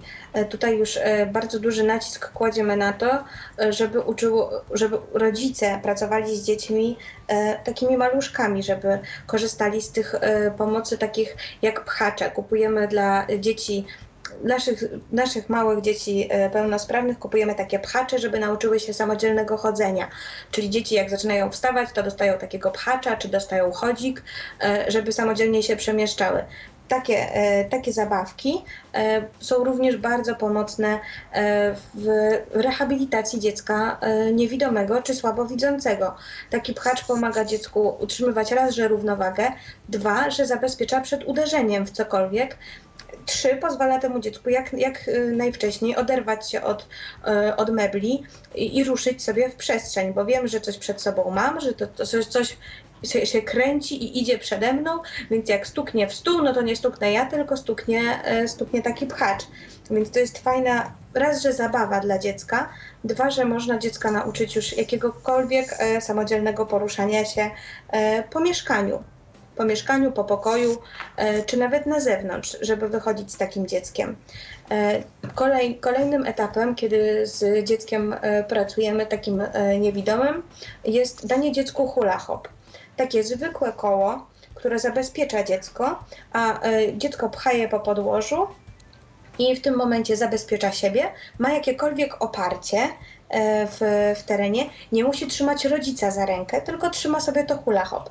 Możemy do tego hula hop zamieścić dzwoneczek, możemy do tego ułożyć jakieś zabawy, rymowanki, e, żeby zachęcić dziecko do poruszania. E, ja osobiście, mm, to był mój najw... Mm, pierwszy etap pracy z, w orientacji przestrzennej z chłopcem sześcioletnim, całkowicie niewidomym od urodzenia. Chłopiec zazwyczaj chodził z rodzicami za rączkę, E, ale zaczął chodzić z hula hop i wychodziło mu to naprawdę rewelacyjnie i widział, że potrafi sam, potrafi sam cokolwiek zrobić. To jest tak, tak zwana pomoc przedlaskowa, e, bo kolejnym etapem będzie już e, biała laska, którą dobieramy indywidualnie do, do każdej osoby, do wzrostu, żeby tak jak wcześniej wspominałyśmy, żeby to ona sięgała do, do mostka, bo wówczas jest najlepszym narzędziem rehabilitacyjnym, jak, jak, tak, jak ma taką długość. Więc y, kursy orientacji przestrzennej e, zaczynamy już od jak najwcześniejszego etapu e, życia, e, a osoba niewidoma od urodzenia powinna właśnie korzystać z tych wszystkich pomocy. W szkole podstawowej czy w przedszkolu. Przepraszam, że wejdę Ci jeszcze w słowo, chciałabym tak? doprecyzować. Jaki jest wiek dziecka, kiedy taką tą rehabilitację, orientację no właściwie trudno to jakoś określić. E, powiedzmy wczesną orientację przestrzenną możemy rozpoczynać. E, kiedy to wszystko zależy od dojrzałości dziecka, czy nie będzie miało mhm. żadnego sprzężenia dodatkowego i od tego, czy rodzice dotrą do specjalisty. Bo tutaj Rozumiem. też powinien już zadziałać specjalista. E, Jest coraz więcej tych punktów e, wczesnej interwencji, e, gdzie coś się zaczyna dziać z tymi dzieciaczkami, więc kiedy już na przykład dziecko dostanie to hula hop i potrafi się z nim poruszać i stwierdzimy, że możemy spróbować dać mu laskę i dziecko będzie sobie radziło z laską, to zaczynamy z nim ćwiczyć te wszystkie rzeczy, które ćwiczymy z dorosłą osobą. Zaczynamy już w tym pierwszym etapie. Kiedy Czyli też nie ma takiej równej granicy wiekowej dla wszystkich dzieci, kiedy przechodzimy z tych e, takich pomocy e, quasi e, orientacyjnych na, na tą już laskę, tak? Nie, nie, nie potrafimy tego określić, bo to wszystko będzie zależało od indywidualnych e, potrzeb dziecka i od tego, jak ono się rozwija. I przede wszystkim, czy nie ma dodatkowych sprzężeń. Bo jeżeli mamy jeszcze jakąkolwiek niepełnosprawność intelektualną na przykład, e, no to to wszystko będzie szło wolniej e, i, to, i później, później możemy taką laskę dziecku dać do ręki, bo ono się też będzie tego bało. Jasne. E, A na siłę nic, nic nie zrobimy, bo to dziecko musi chcieć, musi Łatwiej musi zniechęcić niż e, zachęcić na siłę, jeśli próbujemy wdrażać jakieś e, metody. A mm, dobrze, to jeśli już przechodzimy w ten wiek taki szkolny, późnoszkolny, młodzieżowy, w ośrodkach specjalnych ta kursy mm, orientacji przestrzennej są niejako w pakiecie, tak? E, Tak. Kolejno dzieci jakiś tam program e, przerabiają, natomiast jeśli nasze dziecko na przykład uczęszcza do placówki integracyjnej, e, czy mm, tam, to znaczy nie akurat w szkole, ale mm, w tym samym czasie już możemy mu organizować jakieś kursy właśnie, czy to w okręgach PZN, czy te organizowane w projektach organizacji pozarządowych. Jak najbardziej możemy. Tutaj też będzie dużo zależało od tego, na ile nam mogą pomóc w Polskim Związku Niewidomych, czy, e, czy właśnie w organizacjach pozarządowych, ale im wcześniej, tym korzystniej dla, dla takiego dziecka, żeby opanowało mm, sobie mm, rozkład nawet samego budynku, żeby specjalista e, chociaż kilka, kilka razy e, przyszedł do takiej osoby i pomógł. Tutaj jest bardzo, bardzo, do, bardzo dobrze się rozwijają te punkty wczesnej interwencji, e, gdzie można jakiegokolwiek specjalistę spotkać i oni już nakierowują, szukają też kontaktów, e, pomagają rodzicom e, w tym zakresie. Bo jeżeli rodzice są nieświadomi tego, że mogą taką pomoc uzyskać, to niestety krzywdzą siebie no i dziecko. Tak. e, I w przypadku osób dorosłych mogą korzystać z kursów orientacji e, zarówno osoby świeżo ociemniałe, jak i osoby dorosłe, które chcą się usamodzielnić. Pewnie jest to trudne w przypadku osób e, niewidomych od urodzenia, zaczynanie nauki tej orientacji w wieku, znaczy w wieku dorosłym, już dojrzałym, e, ale e, nie jest to niemożliwe i warto taki trud podjąć, prawda? Jak najbardziej. Wszystko, wszystko też zależy od determinacji już wówczas tej osoby. Jeżeli ona jest zdeterminowana, wie czego chce i wie, że, że zależy jej na, na poprawieniu tej swojej samodzielności, to będzie jak najbardziej y, chętnie korzystała z takich zajęć y, i będzie, może trzeba będzie więcej jej wytłumaczyć, typu jak wygląda ulica, ruch uliczny, że y, budynki to są y, nie na środku ulicy, tylko są po bokach ulicy, że torowisko może się zdarzyć na środku ulicy. Trzeba jej wszystko po prostu dokładnie opowiadać, e, bo często jest tak, że są te osoby prowadzone przez, nie wiem, przez rodziców czy przez kogoś innego, a nie uświadamiane, jak wygląda całkowicie to otoczenie wokół.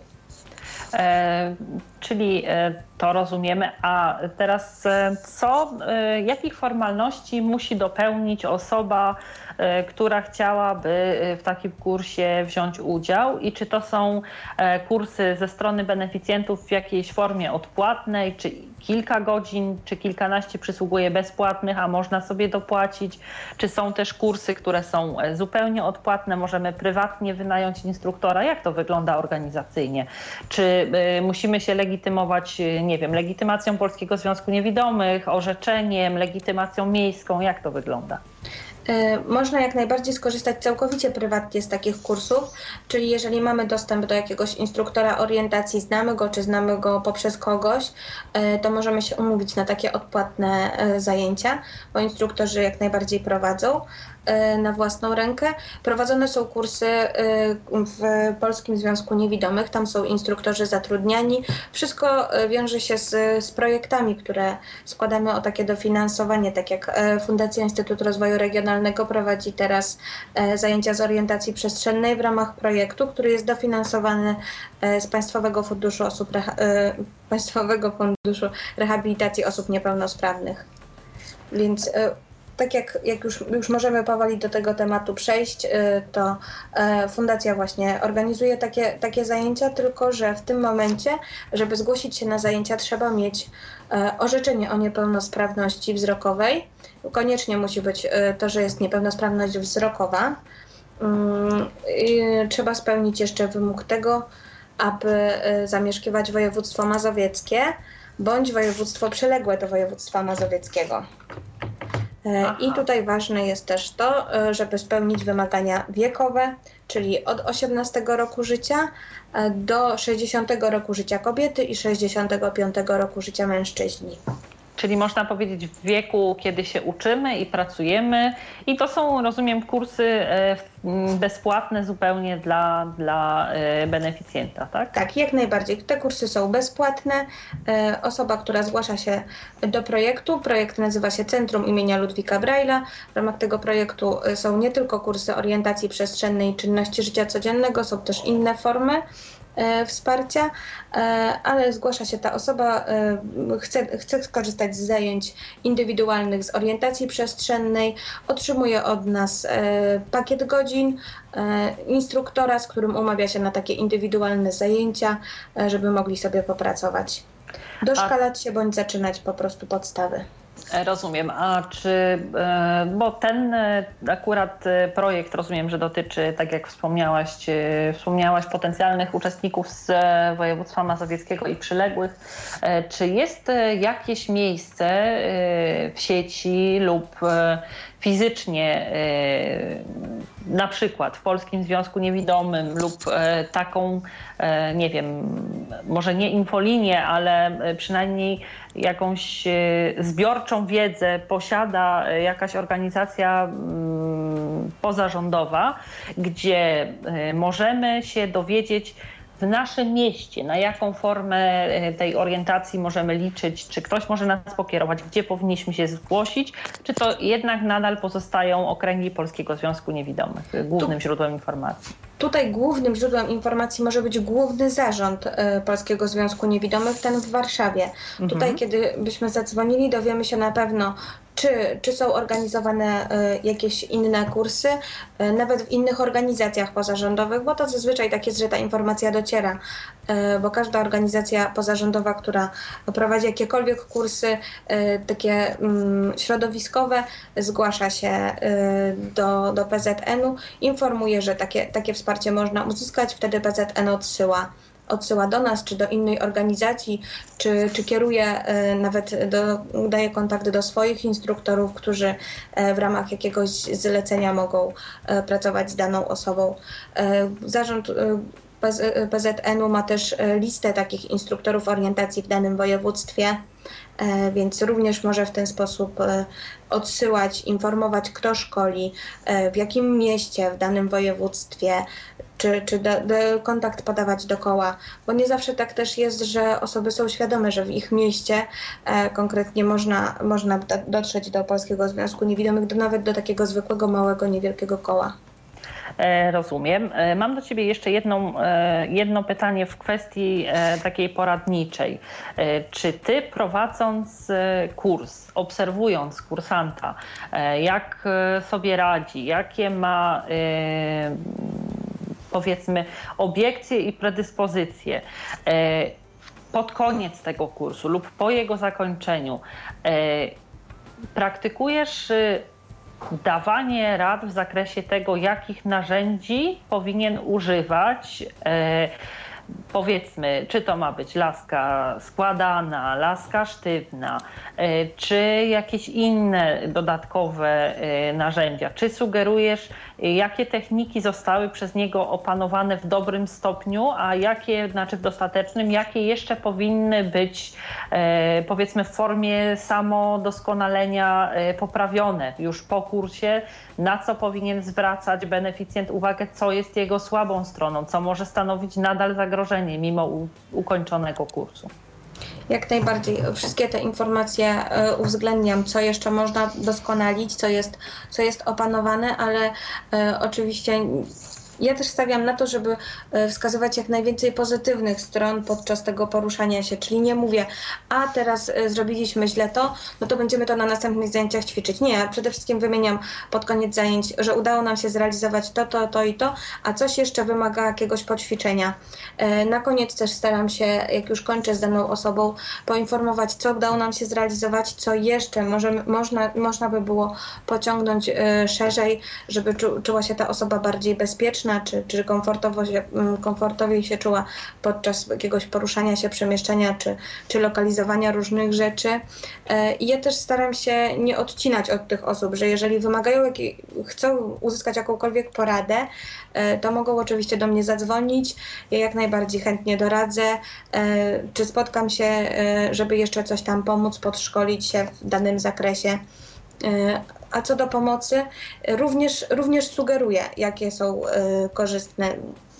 Ja ucząc y, też staram się uczyć osoby z chodzenia ze sztywną laską, nieskładaną.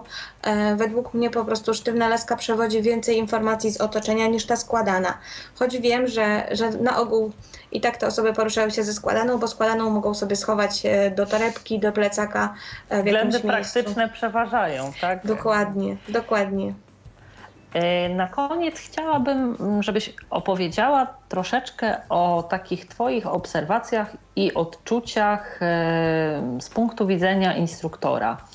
E, z czym Twoi podopieczni mają największe problemy? Może na początek w kontekście takich e, obiekcji osobistych? Jakie opory, jakie lęki najtrudniej jest im przełamać na początku tego kursu lub e, zanim się zdecydują?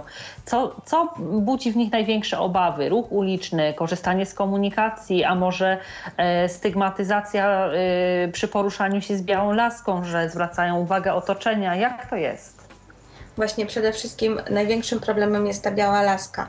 To, żeby ją wziąć. Jeżeli są już osoby, które wcześniej się poruszały z tą laską, tylko chcą się jeszcze pod, pod, mm, podszkolić w technice, e, to one mają tam inne problemy, ale jeżeli zaczynam z kimś, e, z jakąś osobą nowo ociemniałą, czy osobą, która nigdy dotychczas nie chodziła z białą laską i musi ją wziąć do ręki, to bardzo długo ta osoba nie chce wyjść na zewnątrz. Robi wszystko, żeby poruszać się tylko w terenie zamkniętym, żeby nikt, y, nikt jej nie zobaczył.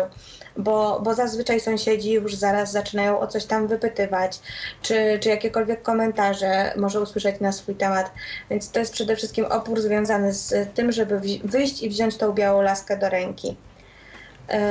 Ale, ale bardzo dużo e, problemu ogólnie sprawia e, poruszanie się komunikacją miejską. Nawet nie tyle przechodzenie przez ulicę, e, co samo korzystanie z komunikacji miejskiej i przede wszystkim będzie to metro, pociąg i tramwaj.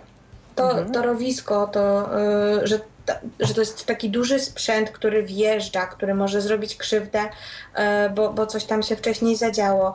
Czy jeżeli zdarzyło się tak, że, że był przykry incydent e, nie tak dawno e, w metrze warszawskim, to, to to zostaje w tych osobach. One są świadome tego, że jakieś niebezpieczeństwo jest jakieś, i ono jest nawet dosyć duże, dlatego bardzo często dostają takiego zesztywnienia podczas tego, tych ćwiczeń, że chcą to jak, jak najszybciej po prostu stamtąd wyjść. Wejdą jak najbardziej, posłuchają, wszystko, zapamiętają, jednak robią wszystko, żeby jak najszybciej wydostać się e, na górę, żeby po prostu nie, nie ćwiczyć tego zbyt długo. Rozumiem. E, to jeszcze mm, już, że tak powiem, e, na sam koniec. Jakie jest takie Twoje credo jako instruktora? Co jest taką najważniejszą dla ciebie rzeczą, którą próbujesz przekazać swoim podopiecznym. I Może to być ogólnie, może być o jakiejś sytuacji szczególnej, która e, była dla Ciebie takim źródłem największej satysfakcji w pracy z osobami e, niepełnosprawnymi wzrokowo. E, w sumie największym, największym takim moim sukcesem dotychczasowym, który, którym się podpieram, to jest to, że e, nauczyłam osobę, która dotychczas bardzo rzadko wychodziła samodzielnie z domu, prawie wcale nie wychodziła samodzielnie. Nauczyłam ją opanowania trasy do podstawowego punktu, z którego każdy z nas korzysta, czyli do zwykłego śmietnika wynoszenie śmieci, e, radość na, e, na twarzy tej kobiety, kiedy samodzielnie potrafiła już wynieść śmieci. E, to jest coś, czego nie zapomnę naprawdę do końca życia, bo to był mój pierwszy taki sukces prawdziwy. Wiem, że pomogłam tej osobie, bo to jest taki zwykły punkt w egzystencji każdego z nas. Każdy z nas wie, jak wynieść te śmieci i sobie z tym radzi, a ta osoba raz, że musiała wynieść śmieci, samodzielnie dotrzeć z tymi śmieciami do, do punktu zsypu, to po prostu było, jej radość była naprawdę najwięk, największą zapłatą za, e, za ten czas, który poświęciłyśmy na te zajęcia. Nie trwało to krótko, e, ale teraz wiem, jak, że ona potrafi sama to zrobić i kiedy już bez mojej pomocy już nie było mnie obok, a zadzwoniła do mnie taka rozradowana, że samodzielnie wyniosła te śmieci, to, to naprawdę, mówię, to była największa, największa zapłata, e, jaka, jaka mogła być za te zajęcia. Uważam, że to jest życie, życie, nasze życie jest w naszych rękach, więc e, jak będziemy pracować i ile z siebie będziemy dawać, tyle później też uzyskamy.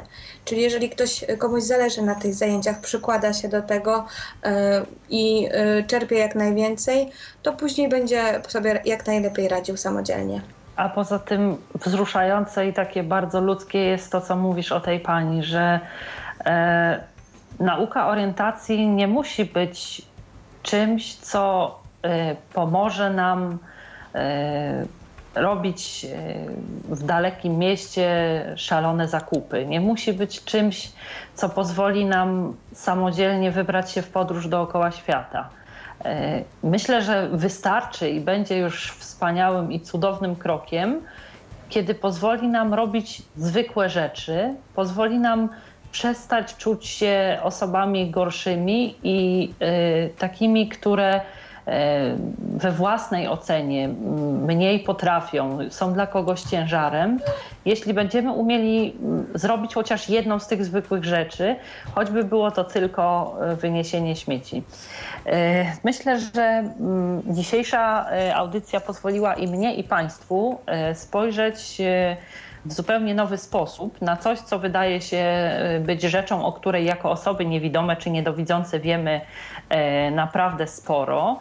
Myślę, że rzuciła wiele nowego i ciekawego e, światła na to zagadnienie. Mam nadzieję, że osoby, które e, chciałyby się w jakiś sposób usamodzielnić albo poprawić swoje bezpieczeństwo w ruchu ulicznym, w komunikacji lub chociażby w codziennym funkcjonowaniu, w wykonywaniu czynności z zakresu dnia codziennego,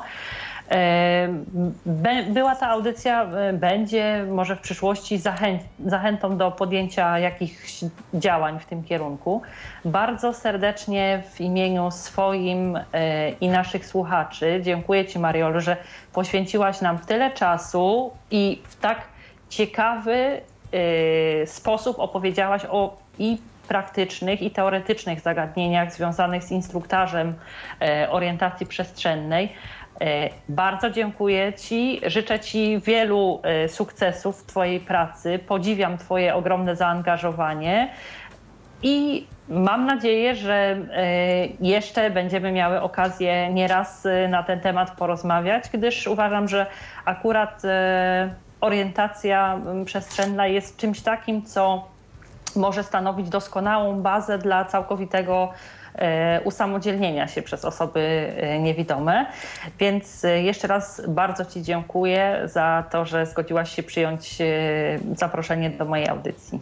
Ja również bardzo dziękuję i jeszcze tak skorzystam, jeżeli ktoś byłby zainteresowany jakimikolwiek zajęciami, które są realizowane przez naszą fundację, przez oddział warszawski Fundacji Instytutu regionalnego, to zapraszam do kontaktu. E, można sobie znaleźć na stronie internetowej Fundacji numer do naszego biura. Podam też tak szybko 22 kierunkowy 450 73 e, i zapraszamy osoby zainteresowane do zgłaszania się i może uda nam się znaleźć jakąś wspólną formę zajęć, z których by, mogłoby skorzystać. Dziękuję bardzo. Moim i Państwa gościem była instruktorka orientacji e, przestrzennej Mariola Łygas. E, ja nazywam się Ala Witek. Dziękuję za wspólnie spędzony czas w kolejnej audycji z cyklu e, Radio Babie Lato. Zapraszam e, na następną audycję, która odbędzie się za tydzień. E, realizatorem dzisiejszej był Tomasz Bilecki. Dziękuję za wspólnie spędzony czas. Życząc miłego wieczoru, zapraszam do wysłuchania kolejnej audycji. Kłaniam się. Do usłyszenia. Był to Tyflo Podcast. Pierwszy polski podcast dla niewidomych i słabowidzących. Program współfinansowany ze środków Państwowego Funduszu Rehabilitacji Osób Niepełnosprawnych.